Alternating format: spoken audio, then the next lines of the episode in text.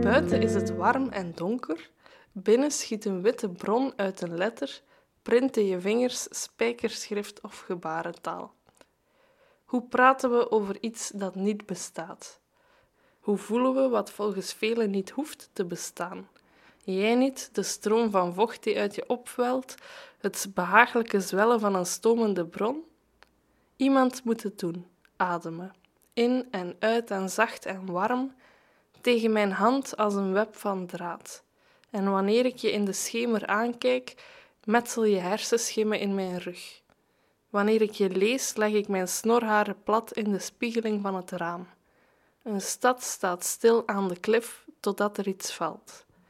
Buiten is het warm en donker. Je bevindt je in een witte kamer, richt je pijl en eindigt als de glans in mijn oog. We praten over iets dat niet bestaat, voelen ons graven. Maar het is beter op zoek te gaan, steeds op zoek te gaan.